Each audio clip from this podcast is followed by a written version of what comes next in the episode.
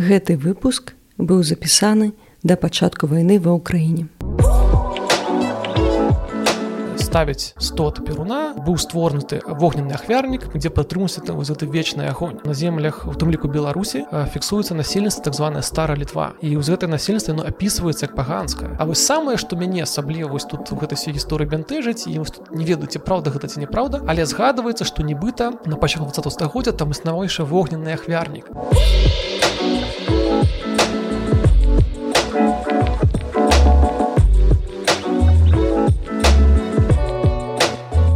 добрый дзень шаноўна гаспадарства з вами падкаст так склалася гістарычна і я дзягель Ганна. Рада вас вітаць на наших аўдыохвалях і сёння у нас у гасцях зміцер скварчэўскі кандыдат гістарычных навук э, даследчык беларускага паганства у мінулы раз мы з зміцерам абмеркавалі старажытную гісторыю паганства нейкім чынам абазначылі перыяды і скончылі на паганскай сітуацыі пачатку великкага княства літоўскага э, зміцер добрый дзень дзень па-першае добрый дзень рада вас вітаць зміцер расскажитеце калі ласка якім было вось паганства эліт вялікага княства літоўскага у пачатку? Дарэчы вельмі добрае пытанне якім было паганства у эліт бо зноў жа калі мы узгадаем еўрапейскую традыцыю прычым ад далёкай старажытнасці то можна заўважыць што у розных сацыяльных групах у розных тэрыторыях нават у розных гарадах калі узгадаць там грэцкія полісы існавалі свае культы і пэўна свае асаблівасці. Таму канешне вось паганства эліт магло адрозніваць розніца ад паганства земляробаў. Ты больш што эліты пераважна гэта былі святарскія ваярскія ізноў такі ў гэтым таксама праяўляецца індеўрапейская старажытна міфалогію гэта трухчаская структура грамадства якая ж з'явілася там у далёкай старажытнай святыя сяляне вайры і святары. А вось а пра паганства вКл канешне мы ведаем ужо нашмат больш бо з'явілася значна больш пісьмовых крыніц.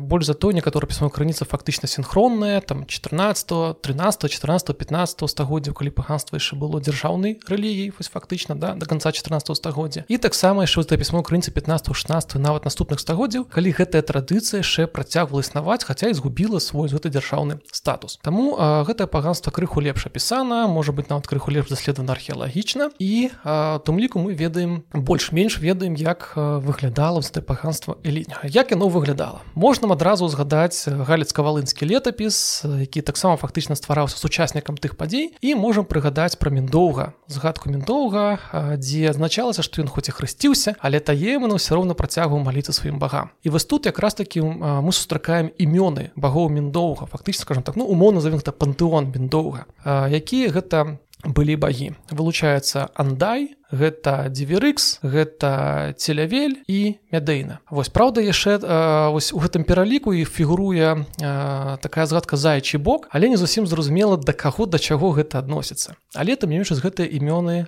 сустракаюцца. І вось тут мы як бы бачым першую такую спрэчку даследчыкаў.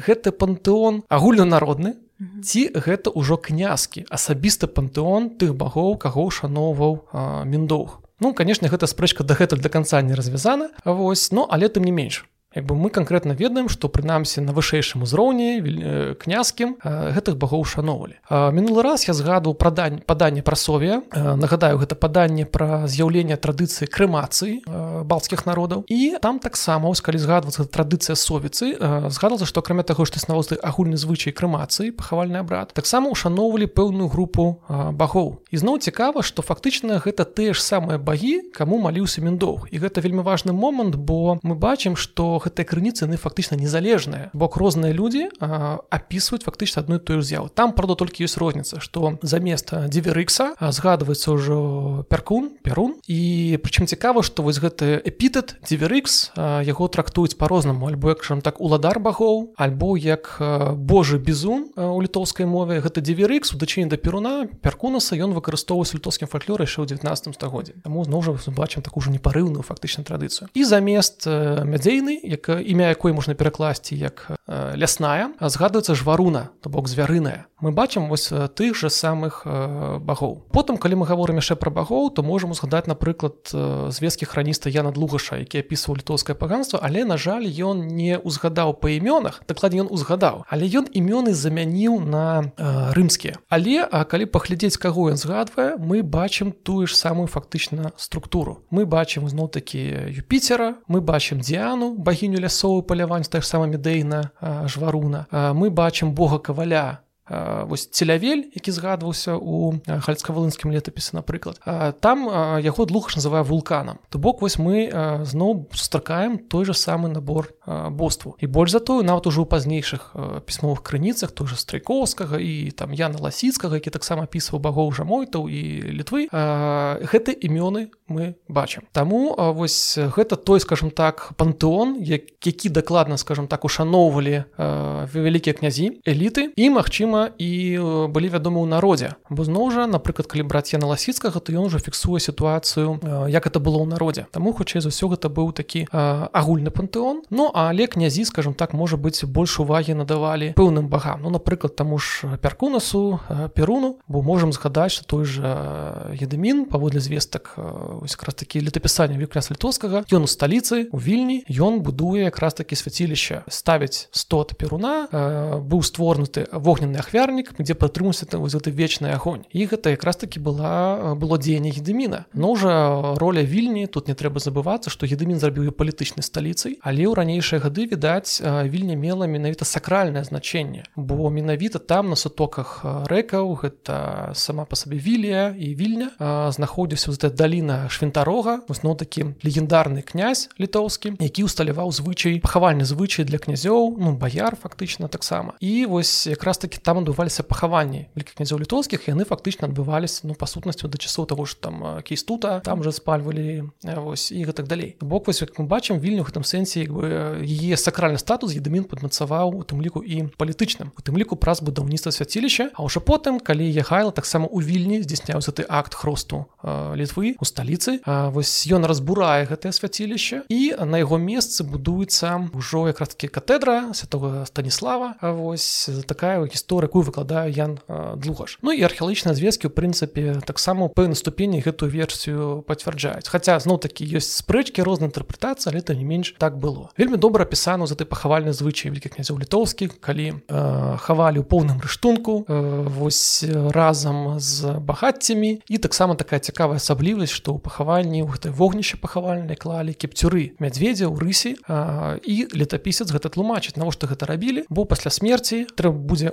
узлезці на нейкую такую нябесную гару на якой сядзіць Бог і будзе адбывацца Божы суд. Ну так уже такая цікавая ідэя. Ўжо некаторыя даследчыкі кажуць што гэта ўжо уплывы хрысціянства на паганскую традыцыю ВКЛ. А вось ну неважна як это было то не менш такі вось сюжэт летапісамі быў зафіксаваны. І што цікава што падобныя звычаі таксама вельмі добра прасочыцца фальклору тым ліку напрыклад беларусаў. А вось можа быць нават хтосьці слухачоў ведае такі звычай што нельга раскідваць абрэзаныя пазногці. Я ведаю. Што іх трэба збіраць а ў ранейшы час яшчэ казалі пра тое што іх збіралі і потым нават у магілу маглі пакласці. І гэта вяскоўцы тлумачаць тым што пасля смерці трэба будзе залезці на нейкую гару да Бога вось да продкаў так? І калі ты не залезеш ну пэўна калі вось это секі пазногці кіпцюры яны прырастуць і ты лёгка гэта можа зрабіць. Калі ты гэтага не зробіш ты упадзеш уніз у пекла і ну адпаведна выры не трапіш. Таму зноў жа цікава што гэты фальклорны сюжэтам фіксуецца нават этнографамі ў нашы дні. Таму зноў мы бачым вось як бы як захавалася гэта. Вось ну а летапісамі гэта больш падрабязна апісана. А ў летапісах мы бачым іншыя цікавыя сюжэты якія звязаны з паганскай традыцыяй вялікіх князёў літоўскіх. Напрыклад момант сустрэчы альгерда пасля маскоўскіх паходаў. Можам сустрэць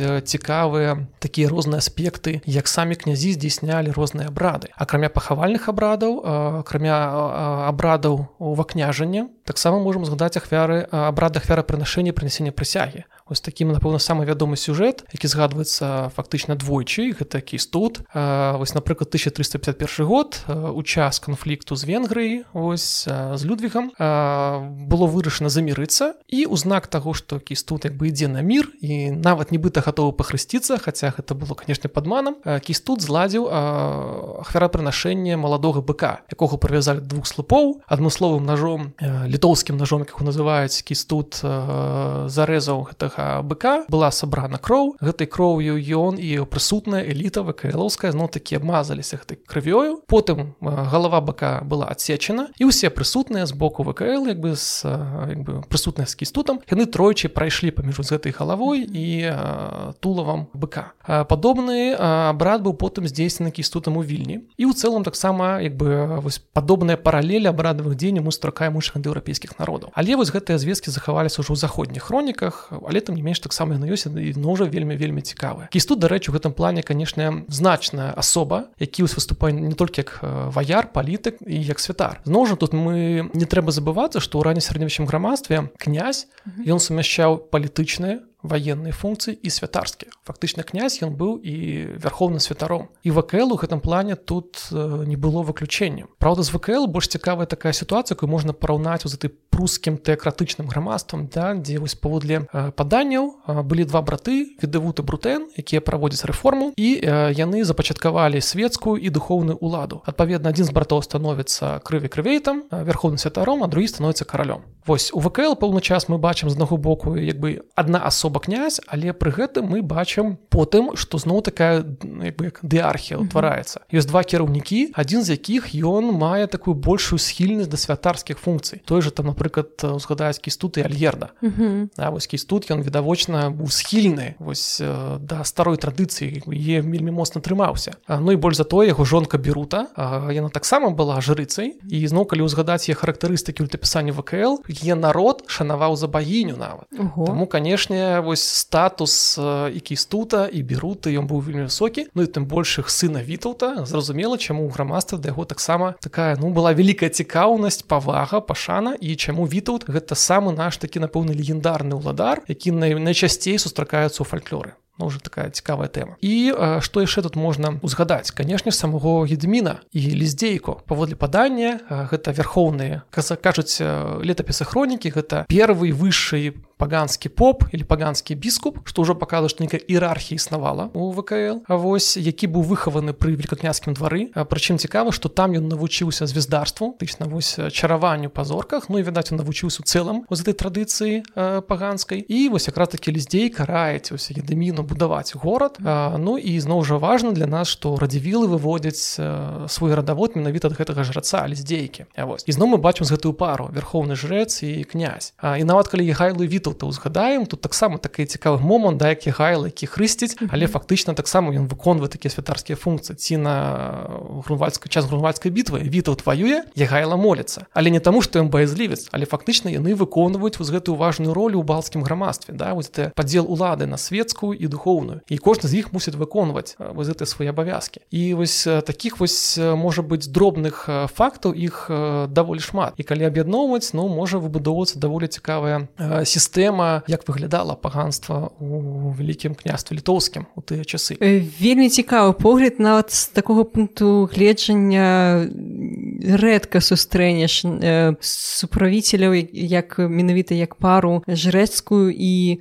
светскую лад духоўную светскую гэта якраз таки праява па-перша еўрапейскай міфалогіі блізнечныя культы якія былі mm -hmm. вельмі важныя яны былі вельмі развіты і якраз таки блізнечныя культы вельмі добра праявіліся у балцкай традыцыі літоўскай і беларускай нават у фальклоры. Вось калі мы глядзім па 19 стагоддзі мы шмат праяваў гэтага культа сустракаем. Таму не дзіўна што вось на ўзроўні верхоўнай улады тут вось такі архетыпы яны абуджаюцца і прасочваюцца. Дякую вельмі цікава. З гэтага пункту гледжання нават цікава перачытаць нашу гісторыю тым ліку гісторыі вялікага княства літоўскага. Такім чынам можна сказаць што вось паганства нават калі гэта ўжо хрысціянства яно як і такая подложка яно працягвае існаваць у грамадстве. Але ці захавалася сёння паганства?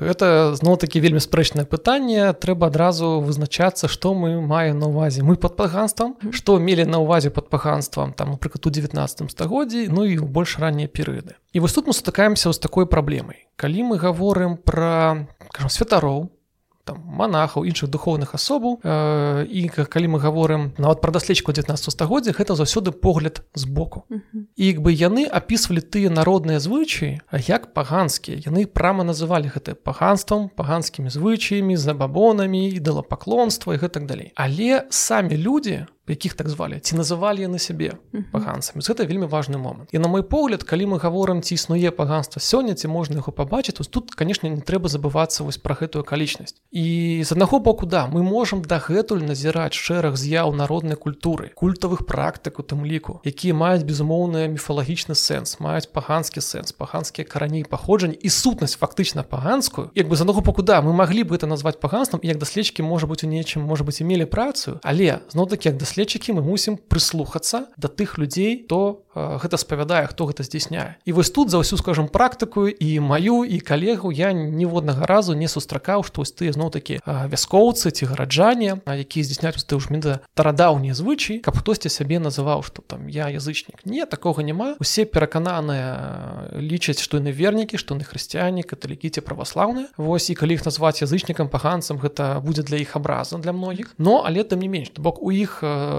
бы самаідэнтычнасць яна адна а іх даследчыкі апісвалі по-іншаму Таму зноў жа вось каго мы зараз маем на увазе. Таму я б сказаў да вось яшчэ раз могу паўтарыць гэтую думку што да мы можам заўважыць сустрэць і сённяшы шмат з'яў вось таких архаічных міфалагічных паганскіх але ўжо паганства ну няма. Бо зразумела у нас на наших землях паганства як ужо такая арганізаваная з'ява з інстытуцыямі адпаведнымі іерархіі жрэцкай так? Яна гэтае паганство знікае ўжо з часоў вКл да, вось калі б адбыўся хрост у 1387 годзе то ўсё. Як бы інстытуцыйнае паганство знікае але там не менш яно яшчэ пэўны час канешне захоўвалася. Бо зно такі гэта вельмі добра зафіксавана пісьмовымі крыніцамі 16 17 і нават 18 стагоддзя. Вось. Ну напрыклад устаеш фіксуецца ў справаздачах езуітаў і іншых прадстаўнікоў манарскіх ордэнаў то на землях у тым ліку беларусі фіксуецца насельніцтва так званая стара літва і ў гэтае насельніцтва ну апісваецца як паганская што гэта праклятая старая вера яе людзі ў стара літва не ведаюць ні малітваў не умеюць хрысціцы так далей так далей. І вось цікава што на тэрыторыі беларусі але дарэчы амаль усе згадкі пра старую літву вядомую сёння яны вядомы навіта на тэрыторыі беларусі вось з гродзенскай брэскай часткова мінскай абласцей. І вось самая такая позняя згадка это 1743 год вёска камена цяпер гэта валожанскі раён. Бок мы бачым што да 18 стагоддзя нават захоўвались вот гэтыя анклавы паганскага насельніцтва Праўда вось это старая літва гэта той насельніцтва такое сябейша відаць усведамляла паганцамі Хаця таксама канешне там некаторыя групы таких людзей яны штосьці ўжо ведалі пра хрысціянта безумоўна но але там не менш гэта яшчэ можна кам так апошнія язычнікі якія сабе так лічылі. І вось уже якраз калі мы гаворым уже там другая палова 18 19 стагоддзя мы уже конечно сутыкаемся з народнай культурай народным хрысціянствам а якое канешне шмат у чым мае менавіта такі архаічны падмурак. А ў чым гэта выражаецца гэты падмурак? Вось якія практыкі можна відавочна сказаць што яны паходзяць з паганства Я думаю нам не хопіць часам каб пералічыць ну, самыя практыкі самыя яркія канешне гэта розныя каляндарны цыкл вось традыцыйнай культуры вясковага грамадства там нават пачатку два стагоддзя. Фактычна віся гэта каляндарная абрадавая традыцыя нашмат у чым грунтуецца на гэтых архаічных уяўленняў. Ты ж святы каляды купалле вось ну гэта ўсё то што добра вядома людзям да каб можа нейкі такі спецыфічныя рэчы не паглыбляцца. Але да вось гэта все мае відавочна паганскія карані паганскія сэнсы. Дзяды. Дзяды канешне раданіца прычым цікава што ты ж дзяды ёсць ўжо нават згадкі з 16 стагоддзя апісання абраду шанавання продку яны фактычна нічым не адрозніваецца таго што мы ведаем у этнаграфіі дзяды безумоўна народна-медыцынскія розныя практыкі знахарскія практыкі замовы тэкст там сюжэты паданняў культы ўшанаванні крыніц камянёў гэта ўсё канешне мае паганскія вытокі. Хаця праўда таксама хочу зрабіць агаворку весь час я про гэта кажу што калі мы гаворым пра культавыя святыя да вось шанаваныя камяні і крыніцы яны не абавязкова шануюцца вось да хрысціянскіх часоў. На самой справе гэты працэс сакралізацыі ён адбываўся розныя часы. І вядома нават выпадкі ў нашым 21 стагоддзі калі пачына сакралізавацца крыніцы дрэвы камяні Вось. І ў 19 стагоддзі такі выпадкі згадваюцца і ў 20 нават архіўныя справы ўжо пра гэта ёсць. А вось таму гэтыя працэс сакралізацыі яны так яны ідуць па нейкі такой міфалагічнай логіцы. Але канешне не абавязкова гэты камень ён там стаў шанавацца таму не ведаю у пятым стагоддзе да нашай эры. Ён мог шанавацца з 19 але сутнасць яна будзе вельмі блізкая ёсць выпадкі калі мы можемм казаць про тое что той ці іншенькі такі святое прыроднае месца ну магло шанавацца яшчэ ў паганскія часы. Але тут ну як бы кожны выпадак трэба разглядаць асобна А вось такі ну даволі знакаміты выпадак ушанавання каменя дзед у мінску які каля свіслачы быў і я чытала што нават да пачатку два стагоддзя там яшчэ нейкія культавыя рэчы адбываліся. Сапраўды вы гэта гісторыя пра камень дзед яна вельмі вядомая знакамітая раскручаная і шмат чым міфалагізавана ўжо сённяшнім днём. Вельмі цікава з гэтым разбірацца бо з таго боку да як бы гэта вынікае што праўда. Вось што сапраўды пэўныя культавыя дзеянні здзяйсняліся яшчэ на пачатку два стагоддзя. Ну і больш за тое гэтыя дзеянні каля каменя дзед яны здзяйсняюцца і сёння. Правда ён цяпер не на сваім месцы музеі валано ну але там не менш гэта культ так ці інакш ён ужо новы але ён існуе. І гэта ўжо таксама вельмі цікавы феномен. Калі казаць непасрэдна пра маленню для камня якія называлі вось у пачатку два стагоддзя то з аднаго боку ведаеце у чым тут як бы нюанс? А мы ведаем пра менскае капіще все кажа што воз это паганскае капіще якое захавалася там у сталіцы Еўропы цэнтры там да 20 стагоддзя Ну гэта не зусім праўда. Бо калі мы узгадаем дзе ляжаў гэты камень дзецы дзе гэта была малельня но гэта быў не цэнтр мінска это быў не цэнтр сталіцы і зразумела што мінск таксама не адразу стаў сталіцай у гэты час. То бок калі мінск стаў сталіцай ужо гэтага камня культава ну ён быў але ўжо як бы культа фактычна ўжо гэтага не існавала. Гэта момант. По-другое вось тут людзей крыху бянтэжы тэрмін капішча які выкарыстоўваецца. Вось э, гэта тэрмін кніжны. Вось михаил кацар які якраз запытваў жыхароў вуліцы лодачнай дзе знаходзіўся гэты камень дзед цяпер гэтай вуліцы не існуе. Вось ён гэта як даследчык запісаў для сябе гэты год даследчыцкі тэрмін. Вось але яшчэ раз арыгінальных да малельня ля камня ну фактычна як проща. Але падобныя прощы прыродныя яны вядомы ў вёсках і ў гарадах беларусі да сённяшні дзень. Можам узгадаць вядомую юраву гару ў віцебску са святой крыніцай ці напрыклад святую крыніцу ў полацку да вось на верхнім там замку. Вось. І ў іншых гарадах там у друцку ёсць крыніца вось ну і шэраг іншых там крычаў гэтак далей. То бок такія месцы яны існуюць. Таму у гэтым плане тут няма нічога дзіўнага. Тут можна гэтаму звесткам цалкам давяраць бо ну як бы да прыродныя аб'екты яны так шанаваліся але гэта не было капішча ўсё гэтым скажем так сярэднявечным сэнса стаялі ідалы такія да, якіх ідалаў там конечно не было адзінае что тут э, вельмі здзіўляе гэта тое что згадваюцца ўсяк раз таки бацька і сын севасцей якія іх называлі там знахарамі да там ці чараўнікамі якія даглядалі за гэтым месцам. Вось гэта э, вельмі цікавая такая акалічнасць. Мы бачым такую фактычна сямейную дынастыю якая вельмі нагадуецца ты якраз такі шрэцкія дынастыі сямейнай старажытнасці якая даглядала бо пра іншыя прощы падобнага не згадваецца. Хаця зноў такі калі я разглядаў розныя архіўныя справы 19 стагоддзя звязаныя з святымі крыніцамі камянямі я часам згадваў што існавалі пэўныя вясковыя супольнасці якія фактычна арганізоўвалі за ты культ яны займаліся даглядам за гэтым месцам зборам ахвяравання перадача ахвяравання ў царкву. Там зноў такі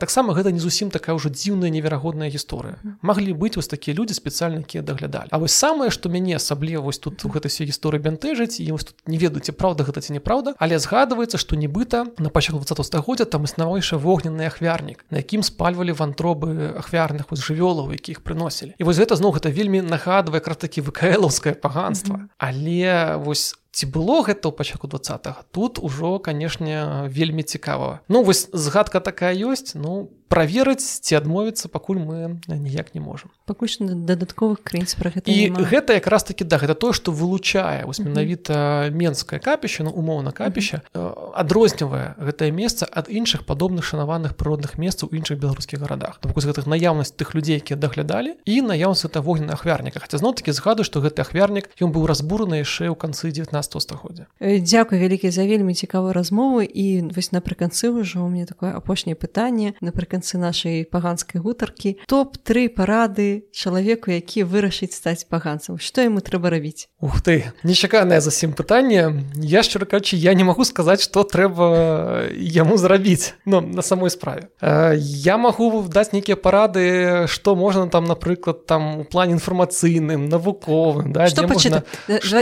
яшчэ раз топ-3 парады пачынаючаму язычніку што пачытаць? Ну давайте так не толькі пачынаючаму язычніку але таксама любому человеку які зацікавіўся тэмы якраз таки беларускай традыцыйнай культуры беларускай міфалогіі і таксама паганства продкаў беларусаў. Гэта такая наша мэтавая аўдыторыя на першае месца я б напэўна паставіў працы Сергей ивановича саньком беларускі філосаф культуролог я шмат яго ёсць артыкулаў доступных у тым ліку сеціве і ёсць у яго такая не вельмі вялікая вельмі такая змястоўная манаграфія з вельмі складанай назвы я можа быть нават зараз дакладныя цалкам не змагу мы напішам у опісанні так пачынаецца слову студыі і далі там пайшло. Вось гэта вельмі важная праца дзе апісваюцца ў прынцыпе такія падмуркавыя да ось рэчы элементу такой індыеўрапейскага індыеўрапейскай традыцыі якая захавалася ў беларускай народнай культуры культуры. У прынпе якраз такі працы Сергея Санько у гэтым сэнсе можна фактычна любую браць там ёсць вельмі вельмі шмат цікавага там і нават калі памыляюся можна знайсці на беларускім калегіуме там цыкл лекцый бок ну вось можна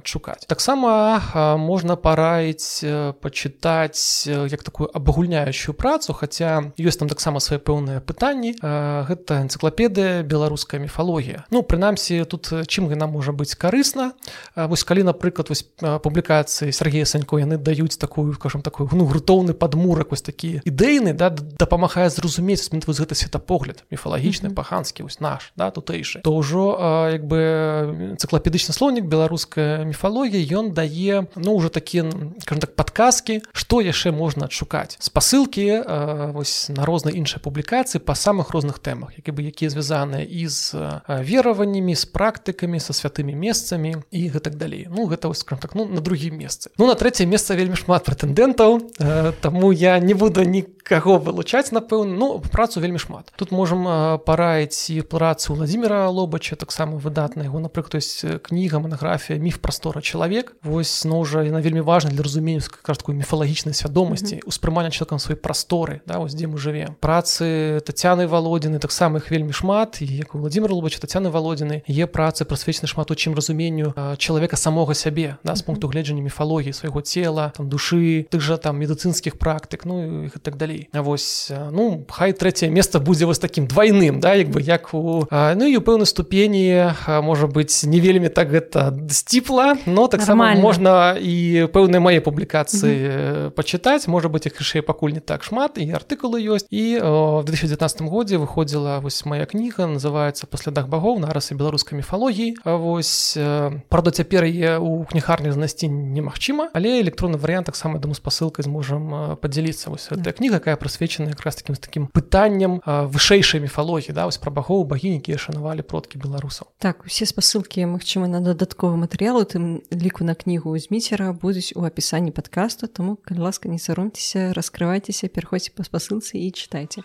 Дякую вялікі зміцер за э, такую цікавую размову. Дякую вялікі запрашэннямі таксама вельмі прыемна вельмі цікава пагаварыць на гэты вельмі цікавыя тэмы там яшчэ раз дзякуй і да пабачэння калі у вас з'явіліся пытанні каментары калі нейкія пытанні вы былі незразумелы альбо вы хацелі б больш падрабязна каб мы пра гэта пагаварылі калі ласка пішыце каментары оставляйте у соцсетках у апісанні под гэтым подкастам можете пісаць у дырэкт у нстаграме у фейсбуку укантакце усюды дакуль дацягнуцца ваши руки і ўсюды дакуль дацягнецца наш подкаст. Дякую вялікі усім подписчикам і асабліва дзякую вялікі патронам на патрыоне да новых сустрэч. Thank you